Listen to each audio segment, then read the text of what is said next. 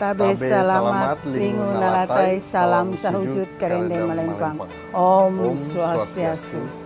Salam Rahayu pemirsa Hindu Channel. Tentu ketika kita berbicara tentang suku, tradisi, dan kebudayaan, khususnya yang tidak terlepas dari leluhur adalah Hindu itu sendiri.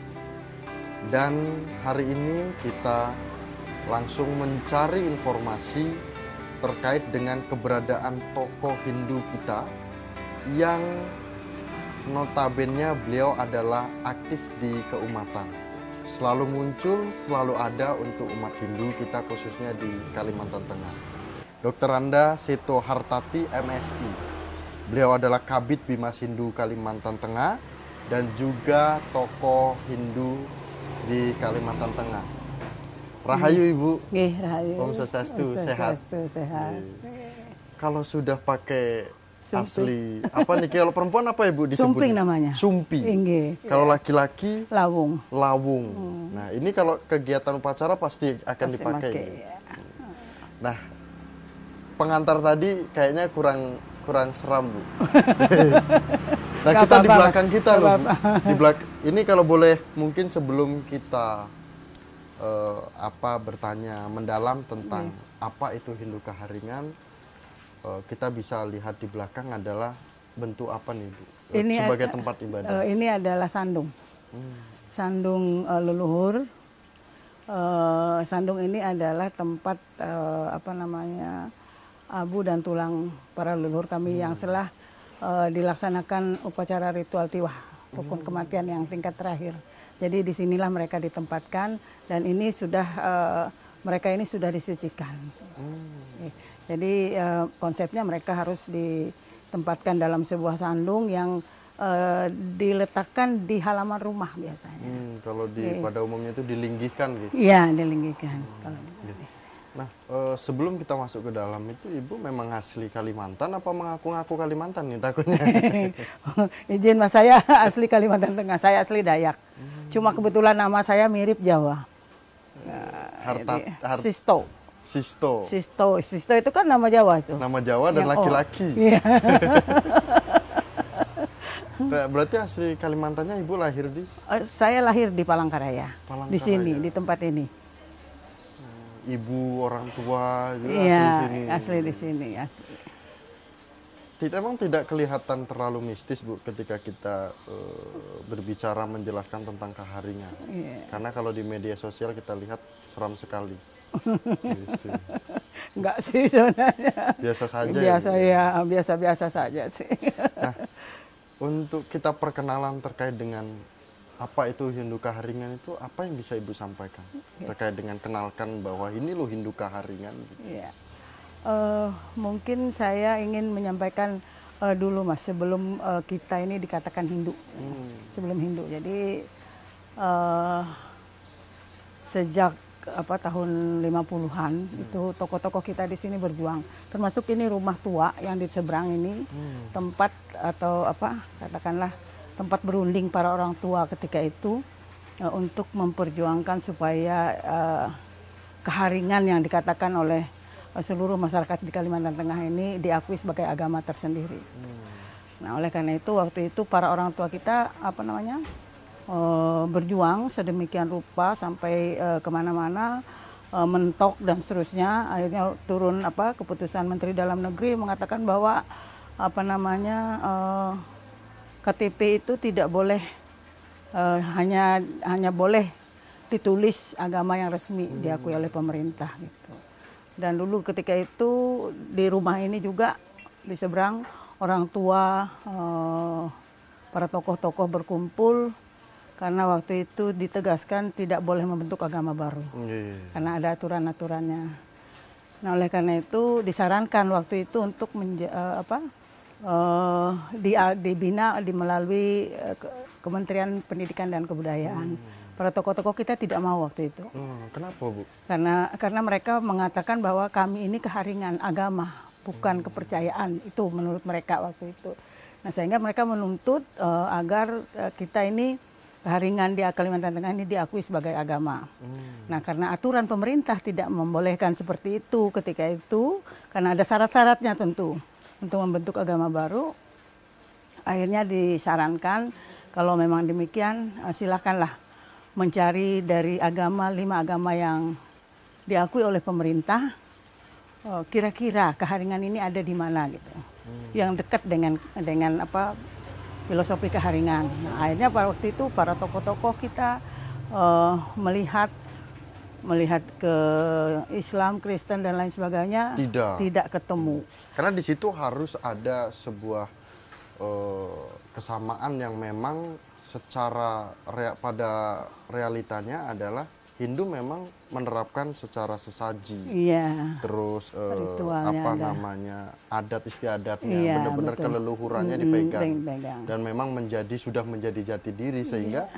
eh, Hindu kahar apa sehingga keharingan itu masuklah di dalam eh, Hindu, Hindu, itu ya. sendiri Ah. kan gitu Iya. dan akhirnya bisa menjalani kegiatan-kegiatan tradisi suku Dayaknya. Iya sama iya sampai sekarang. Nah, kita sebenarnya sudah diskusi terkait dengan perpindahan eh, dari Kaharingan ke Hindu Iya. dengan ketua MBHK Iya. MBA AHK. ke pusat. Iya. Nah, namun ini dengan Bu Sisto kita tidak akan membahas itu. Iya. Karena tokoh Hindu perempuan seberapa jauh beliau ini mengedepankan sebuah tradisi Hindu Kaharingan itu. Oke, ya. Kita coba tanya, apakah Ibu punya rumah atau kamar khusus? Iya. Oke. Eh, kalau kami punya ada kamar khusus tempat-tempat eh, kami beribadah khusus namanya Paseban. Pasaiban. Paseban. Ya, jadi eh, kalau orang sering mengatakan ada balai Paseban Raja. Jadi kami di dalam rumah kami ada Paseban yang bentuknya sangat unik, Sangat unik. sangat unik. Kalau boleh diceritakan dikit apa sih di dalam itu dan Eh. kegiatannya akan seperti apa? Jadi ya, di dalamnya itu benda-benda pusaka. Benda-benda pusaka milik leluhur termasuk eh, apa namanya keris dan lain banyak pokoknya benda-benda pusaka yang milik leluhur itu ada di dalamnya. Termasuk Hampatung Karuhe juga ada di situ. Kenapa Ibu mempertahankan itu? Eh, karena memang ini eh, kami yakini, kami yakini eh, bahwa eh, Paseban itu memiliki satu kekuatan yang memang eh, tidak bisa dilihat sih secara kasat mata, tetapi kami yakin dengan kami eh, mempercayai dan meyakini mereka, kami bisa hidup dan seperti sampai sekarang ini gitu. Kami yakin bahwa eh, mereka membantu kami mereka itu adalah eh, apa namanya eh, semacam apa ya eh, Ketika ada sebuah energi tertentu. iya ada yang- ada energi tertentu lah di dalamnya gitu Nah. sehingga kami merasa yakin sekali dengan kami datang ke sana biasanya kalau kami bersembahyang itu dengan menaburkan beras Hmm. beras eh, beras taur namanya itu yang kami pakai sebagai sarana untuk menyampaikan apa niat dan keinginan kami Eh, apa pun bentuk niat dan keinginan itu di sanalah kami eh, apa namanya memohon gitu Oke. ya Nah, kemudian Bu Sisto terkait dengan Bu, ini nama panggungnya enaknya siapa nih Bu? Bu Sisto apa Bu? boleh silahkan mau Bu Sisto boleh mau Bu Tati boleh Nah, Bu, silahkan Bu yang kayaknya Bu Sisto, Bu Sisto nggih. ya Nah, eh, Bu ini ada hal yang mungkin juga perlu untuk memperkuat memperkuat sebuah imajinasi umat Hindu kita yang ada di atau yang menyaksikan Hindu Channel ini adalah ketika kita melakukan peribadatan atau memiliki tempat eh, persembahyangan khusus Hindu Kaharingan itu tidak hanya eh, bentuk-bentuk keselamatan kita yang yang dijaga dari keluarga ya itu ada lain ada juga lainnya. Seperti biasanya mimpi gitu ya kan. diberikan petunjuk. Oh ini harus seperti ini seperti ini. Mungkin ada sedikit yang bisa diceritakan petunjuk apa petuah apa yang yang pernah ibu dengar dan pernah ibu lihat atau ibu pernah mimpikan terkait dengan Hindu Kaharingan itu? Eh, sebenarnya begini, eh, kalau eh, terkait dengan petuah-petuah pendidik, kalau kami eh, yang yang pernah saya rasakan gitu, uh, kami selalu dan sering dibisiki oleh uh, para leluhur, terutama yang ada di di Paseban itu. Uh, apa pun yang kami lakukan, selalu kami uh, apa namanya dibisiki, gitu, dibisiki. Uh, misalnya ini ada sesuatu akan ada sesuatu bahaya. Mereka selalu mengingatkan kita dalam bentuk mimpi, sehingga uh, kami yakin uh, apa namanya kekuatan yang ada dalam apa namanya rumah tempat Paseban itu memang sangat-sangat luar biasa. Termasuk kami karena kami tugasnya di lapangan selalu mengunjungi umat uh, di lapangan ketika saya ingin berangkat saya selalu memohon dengan mereka hmm. agar saya selalu diikuti karena pe, uh, petunjuk apa uh, apa namanya orang tua kami uh, ke mana pun kalian pergi hmm. hmm, hmm. panggil nama mereka bawa serta mereka walaupun uh, fisik bangunan uh, tempatnya di rumah hmm. tapi bawa mereka pergi untuk menemani kalian uh, ke mana pun nah sehingga saya merasa bahwa selama saya bertugas uh, tidak ada halangan yang berarti bagi saya dalam melaksanakan baik siang maupun malam saya berangkat ke mana pun ke pelosok Kalimantan Tengah yang sering saya kunjungi karena saya memang uh, figurnya jarang di rumah mas. Hmm. Jadi selama saya bertugas uh, eh, 16 tahun jadi pembimas, jadi apa namanya saya selalu turun ke lapangan. Hmm. kadang-kadang seminggu itu paling dua hari saya di rumah hmm. selebihnya habis di di lapangan, di lapangan. Gitu. ya jadi uh, apa bisikan-bisikan dari hmm. para leluhur kami yang ada di berma, uh, uh, yang ini mungkin menjadi pertanyaan yang sedikit uh, menggugah ya. dan muncul secara tiba-tiba adalah ketika ibu hanya dua hari di rumah dan banyak kegiatan-kegiatan uh, di lapangan apalagi uh, ibu adalah sebagai ibu rumah tangga juga, yeah. punya anak, punya cucu dan lain sebagainya. Apa yang ibu rasakan ketika ibu itu berani turun di lapangan lebih lama daripada di rumah? Walaupun ibu itu juga rumahnya di Kalimantan Tengah. Yeah. Apa sebenarnya yang ibu lihat dengan kondisi umat Hindu kita yang di Kaharingan? Uh, begini, jadi saya uh, apa namanya merasa umat Hindu Kaharingan yang ada di Kalimantan Tengah ini yang perlu saya kunjungi, yang harus saya datangi karena apa? Uh, selama uh, ini, selama in, sejak integrasi terjadi, uh, umat keharingan di Kalimantan Tengah itu jarang sekali dikunjungi oleh siapa pun. Oleh karena itu saya merasa uh, lebih enjoy ketika berada di tengah-tengah mereka. Di sana saya bisa ber, bertemu dengan mereka, mendengarkan keluh kesah mereka, kemudian uh, kalau itu saya ketemu tempat ibadah balainya yang uh, sudah tidak layak sama sekali untuk uh, digunakan sebagai tempat ibadah, uh, mereka sampaikan untuk dibantu saya upayakan karena kebetulan saya uh, juga di Kementerian Agama, jadi saya upayakan untuk bantu mereka. Jadi saya lebih merasa uh, saya lebih dekat dengan umat. Saya ingin uh, apa namanya apa yang saya lakukan ini betul-betul bisa dirasakan juga oleh umat. Gitu. Gimana sih bu kondisi di lapangan itu? uh, kondisi di lapangan. Bayangkan loh Bu, uh, ini sampai saya merinding gitu kan. Segitu besarnya niat Ibu untuk yeah. benar-benar sampai lebih memperhatikan uh, kondisi umat kita di Kaharingan yang memang jarang sekali disentuh oleh umat-umat Hindu kita, khususnya yeah. mungkin uh, yang ingin bahasanya gini, kebanyakan Tirta Yatra itu kan ke Bali, ke Jawa dan sebagainya. Yeah.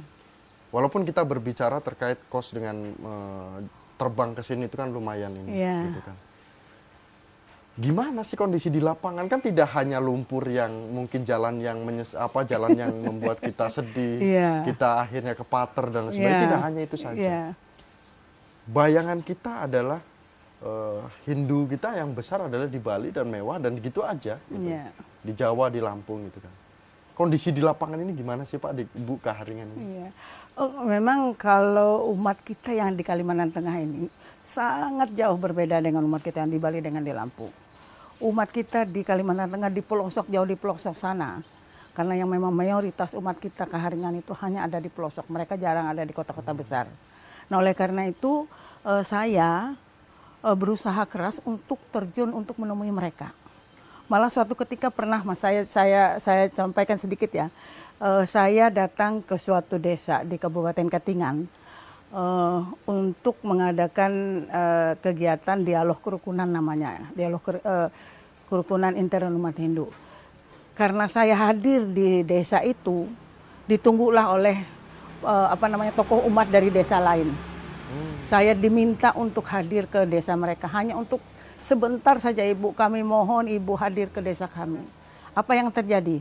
Saya berusaha karena saya uh, melihat orang tua tiga orang menunggu saya uh, dengan memelas mereka ingin saya kunjungi kampungnya, ingin saya melihat tempat peribadatan mereka.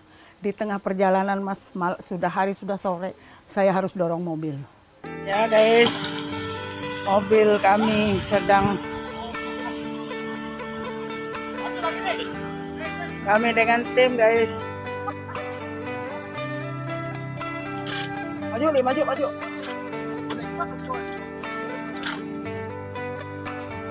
Ya. Pak Made Acana sedang sibuk mengatur jalan.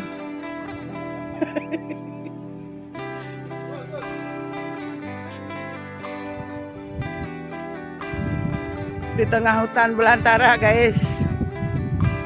Ya, inilah perjalanan kami untuk bertemu dengan umat sambil melihat kondisi tempat ibadah. Kami harus melalui jalan seperti ini. Kemudian uh, di tengah perjalanan hujan dorong mobil jalan jalan apa namanya jalan uh, curam, curam. Uh, dengan teman-teman tim saya dari Kementerian Agama dari Bima Sindu kami dorong mobil. Saya tanya dengan mereka Pak kampungnya Bapak uh, seberapa lama lagi uh, dari sini? Katanya separuh lagi Bu. Itu kami sudah perjalanan tiga jam. Separuh lagi Bu. Gimana kondisi jalan? Bisa nggak dimungkinkan nggak kita untuk sampai ke sana dengan uh, kondisi malam hari ini seperti ini. Saya nggak jamin bu katanya bisa-bisa kita uh, apa di tengah jalan. Saya bilang begini saja, oke pak saya tidak perlu datang sampai ke desa bapak, tapi tahun depan saya akan berusaha bantu tempat ibadah bapak. Percayakan ini kepada saya, akan saya bantu tahun depan. Nah akhirnya uh, tahun berikutnya saya bantu mas.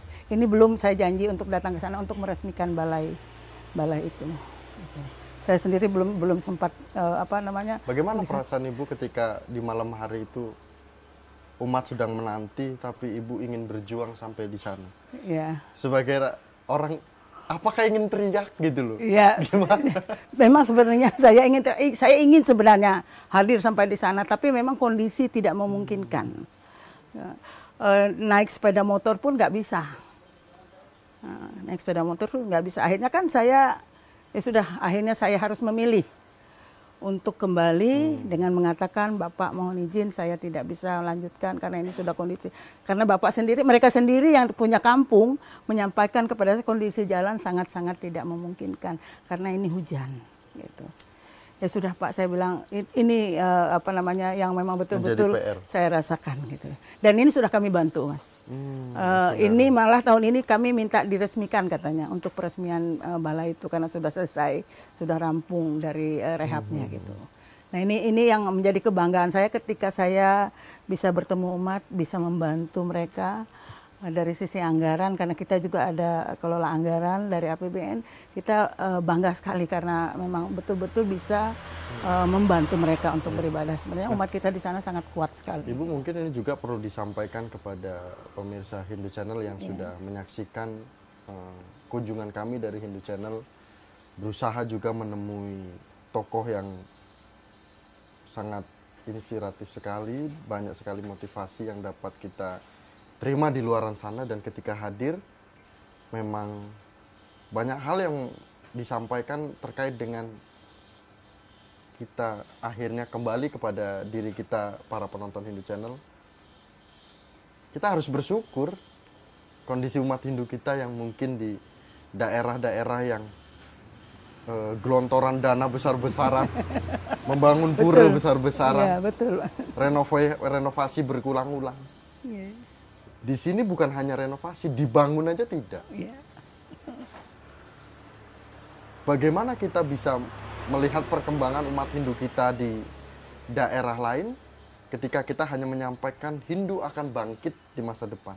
Ya kalau kita nggak mulai bangkitkan dari sekarang ya sampai kapan pun kita hanya bisa hanya bisa eh, mendengar-mendengar saja, tapi Iya. secara actionnya tidak ada. Nah, namun ini kita tidak memaksakan kepada pemirsa Hindu Channel untuk hadir ke Kalimantan. Tapi ketika ingin merasakan, monggo, dipersilahkan. Mungkin cerita ini tidak hanya menjadi cerita, tapi menjadi realita kita ketika berada di lapangan. Dan lagi pertanyaan lagi adalah, eh, yang menjadi perbedaan sangat besar keberadaan Hindu Kaharingan dengan Hindu di Indonesia atau di Nusantara ini apa? Eh, yang menjadi perbedaannya adalah sebenarnya eh, tradisi saja sih sebenarnya mas.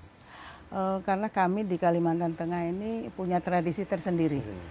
Eh, baik itu menyangkut ritualnya, tapi kalau filsafatnya mungkin Sama. sama saja. Tapi eh, yang yang sangat mendasar, mendasar sekali itu apa ritualnya. Eh, contoh kalau kami di di Kalimantan Tengah ini eh, kalau melaksanakan ritual, ya, ritual-ritual keagamaan itu eh, sarana yang paling paling kami ini kan adalah apa namanya termasuk hewan kurban ya mas. Eh, apa namanya tidak sama dengan daerah lain. Seperti dengan di Bali tidak tidak sama. Karena kami kalau melaksanakan ritual itu biasanya eh, untuk memotong hewan kurban itu harus pagi hari dan darahnya itu diambil bukan di ya ini darah justru darah itu yang sangat sangat eh, kami butuhkan untuk membersihkan eh, baik skalo maupun niskalo itu menurut kepercayaan keyakinan kami di sini. Sehingga eh, peran seekor babi itu sangat luar biasa bagi kami di Kalimantan Tengah. Tidak bisa kami beli eh, apa eh, separuh atau sedikit gitu nggak bisa.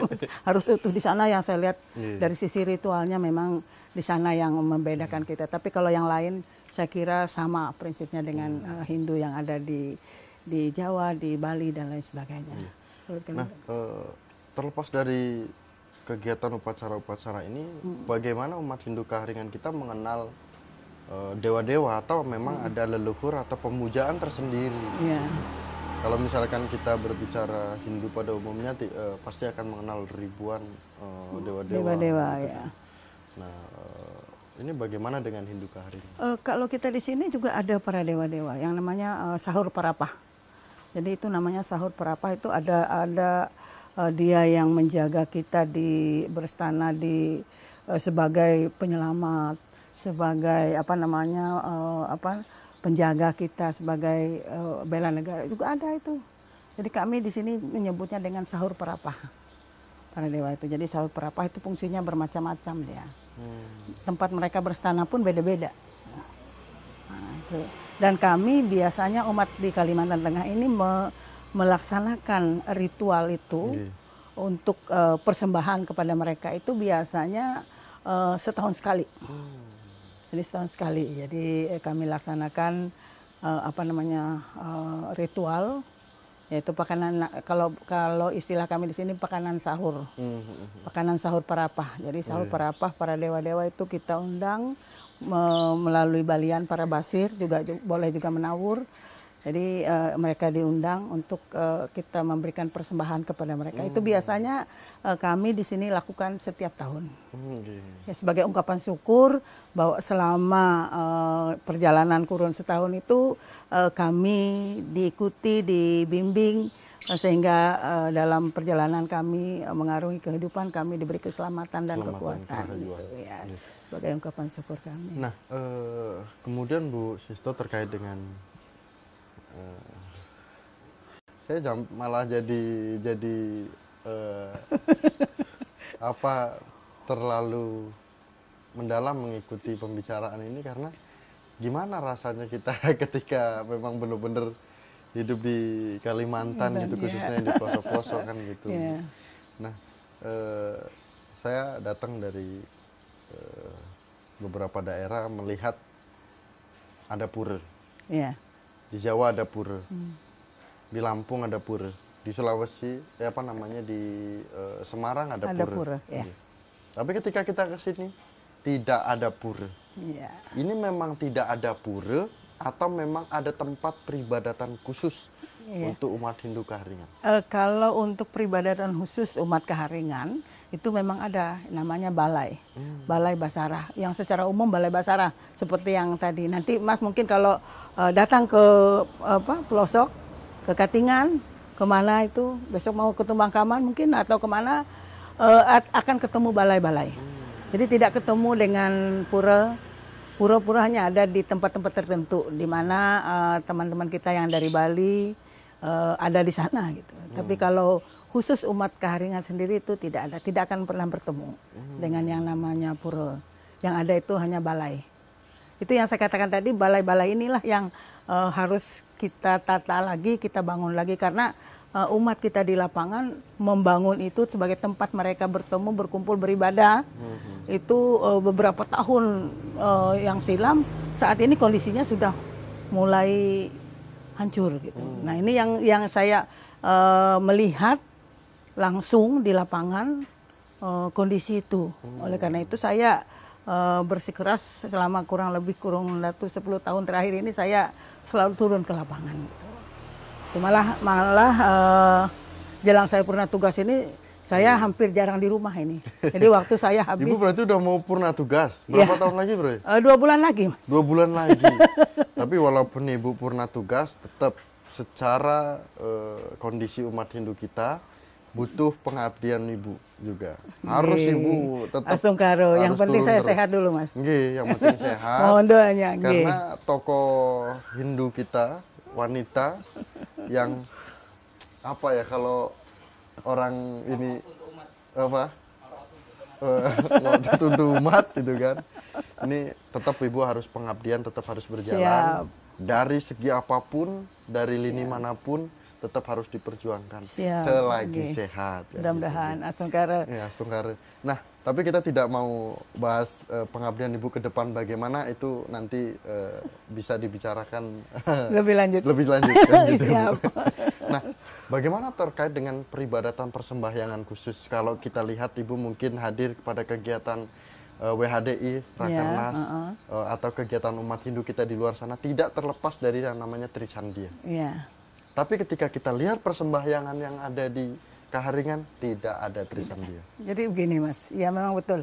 Uh, jangankan kalau di Kalimantan Tengah sendiri, jangankan uh, untuk Trisandia, kita sejak integrasi itu terjadi untuk memasyarakatkan kepada umat Kaharingan di seluruh pelosok Kalimantan Tengah, memasyarakatkan Om Swastiastu itu butuh waktu berpuluh-puluh tahun. Sekarang ini sudah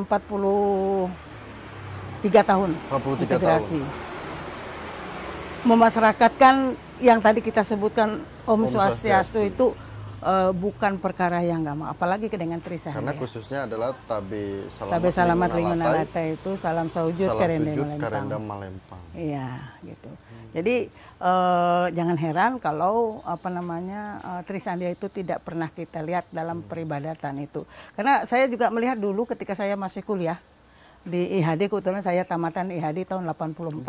uh, saya ke sana uh, jangankan di mana di Bali di Bali itu dulu kan orang pada tidak mengenal Trisandil. Yeah.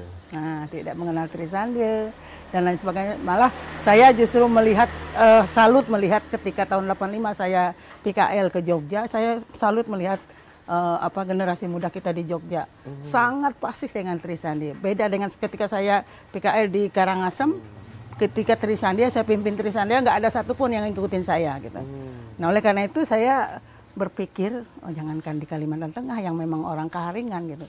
Di Bali pun seperti ini. Nah oleh hmm. karena itu apa namanya inilah kondisi kami di Kalimantan Tengah karena memang di dalam setiap peribadatan kecuali kalau di hmm. di kampus mungkin di perguruan tinggi di mana-mana itu hmm. mungkin ya, bisa. Tapi kalau untuk kita umat kita di lapangan uh, masih belum ada, belum kita ketemu dengan yeah. yang namanya Trisandia, Mas. Karena itu yang saya katakan memasyarakatkan Om Swastiastu untuk umat Kaharingan di Kalimantan Tengah itu butuh waktu, butuh perjuangan. Bisa jadi Om Swastiastu diem semua. Makanya itu sudah mulai sekarang iya. kita bersyukur sekarang setelah integrasi 40 tahun sekian ini sudah uh, umat sudah mulai pelan tapi pasti karena mereka sudah menyadari bahwa uh, ketika kita keluar Kalimantan Tengah kita harus bertemu dengan umat kita yang lain, kita juga harus menyesuaikan itu kan gitu. itu yang yang yang menjadi PR kami gitu. Nah ini Bu, ya mungkin pertanyaan eh, apa menuju ke closing gitu. Tapi tapi ini pertanyaan anak muda Iya. yang memang masih eh, belum menikah gitu Hmm. kan. Sebenarnya ini pertanyaan ini di luar dari konteks. Iya. Tapi ini sebagai bonus untuk rasa penasaran para pemuda kita yang Iya. ada di daerah sana yang ketemu dengan pasangannya yang Kalimantan. Heeh. Emang benar Bu, kalau misalkan ketemu pasangan di Kalimantan itu eh, sedikit perlu mawas diri, perlu hati-hati. Nah, ini maksudnya itu apa? Ketika kita eh, di daerah di luar sana pasti berpikirnya, awas lu nanti kecantol, nggak bisa pulang. Oh, gitu. enggak. Nah, Kalau kalau menurut saya sih enggak juga. Enggak Mas. juga, Enggak juga. Enggak juga. Cuma apa namanya ya mungkin orang luar saja yang merasa Hmm. ketakutan sekali karena eh, ke Kalimantan Tengah misalnya eh, ketemu orang Dayak. Orang Dayak itu seperti apa? Kan gitu. Hmm. Karena eh, ketika saya dulu keluar Kalimantan Tengah juga sering Oh, orang Dayak kok putih, orang Dayak kok gini. ya memang kenapa? Ah. Orang sering mengatakan kalau orang Dayak itu punya ekor. Dulu kan begitu. Waktu tahun 84 saya ke Bali seperti itu. "Oh, masa masa iya adik orang Dayak? Iya iya saya bilang saya orang Kalimantan Tengah asli. Loh kok begini orang Dayak? Dalam pikiran orang di sana itu kan orang Dayak itu seperti apa gitu.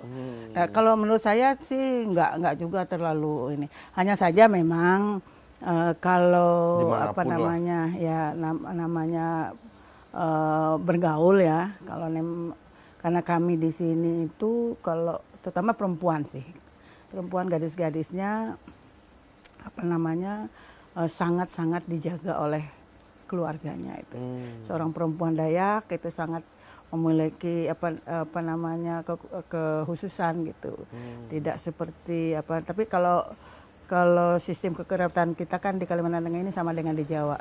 Jadi sistem kekerabatannya parental anak laki dan perempuan sama. Tapi khusus untuk perempuan Dayak eh, apa namanya eh, kita punya kekhususan karena dia dijaga sama sekali oleh eh, keluarganya oleh gitu keluarga. ya oleh keluarganya.